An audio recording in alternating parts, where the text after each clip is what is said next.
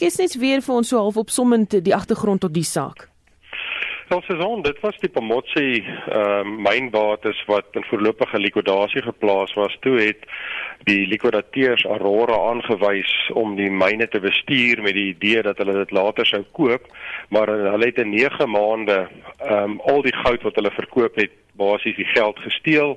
Dis 180 miljoen rand. Hulle het die bates gestroop, vernietig en verkoop en op die einde was dit 1.7 miljard rand uh, skade wat hulle aangerig het en die myn totaal vernietig en al hierdie hofsaake en regsgedinge wat nou plaasgevind het is as gevolg van die vernietiging en die nie betaling van die salarisse van die werknemers vir 'n 7 maande vir 'n 7 maande periode.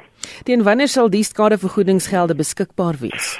So die eerste 5 miljoen rand is reeds deur Kolobosi Zuma inbetaal uit die 23 miljoen rand skikking, maar die eerste 6 miljoen rand wat in die insolvente boedel inbetaal word is vir regskoste wat oor die afgelope 6 jaar aangegaan is tot op die punt te kom en van daar af beteken dit die nadat die regskoste afgetrek is, is al die geld basies beskikbaar vir die werknemers uh se uitstaande salarisse of 'n gedeelte daarvan, maar dan beteken dit ook ook dat al die individue wat gister gesekwestreer is en die vier wat nog gesekwestreer moet word onder andere Zondo Mandela insluit uh, se bates word vervreem dit word verkoop en dit uh, dit word ook in die rekening inbetaal. So daai um, die geld wat versprei word sal nog uh, vergroot word oor die volgende paar maande.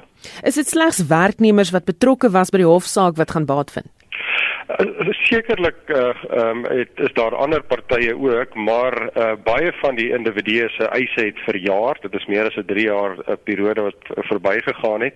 In terme van die insolventiewet is die werknemer uh, staan hulle eerste in die ry. So ons glo nie dat ehm um, byvoorbeeld uh SARS en Eskom uh werklik met hulle eise sal voortgaan ten koste van die werknemers nie want die geld wat inbetaal is is eintlik baie min. Dis 5300 werknemers, die maksimum wat hulle kan kry is 28000 rand as mens die sommetjie maak kan mens sien die huidige uh, getal uh, 23 miljoen is hopeloos te min om almal te betaal. So ek glo uit welwillendheid sal baie van die krediteure afstand doen uh, van hulle eise en die werkers dan alleenlik voordeel trek. Ongelukkig is dit 'n uh, 52 maande periode waar Kolobosi Zuma die geld moet inbetaal. So die werkers gaan basies uh, gedeeltes uh, betaling kry oor 'n 5 jaar periode. Is daar steeds strafregtelike klagtes ter sprake? Absoluut. Ehm um, en dit is iets wat ons sal moet voortgaan en druk op die nasionale vervolgingsgesag moet plaas. Die Bana familie het heeltyd uh hulle skuldig gemaak aan aan, aan verskillende forme van korrupsie.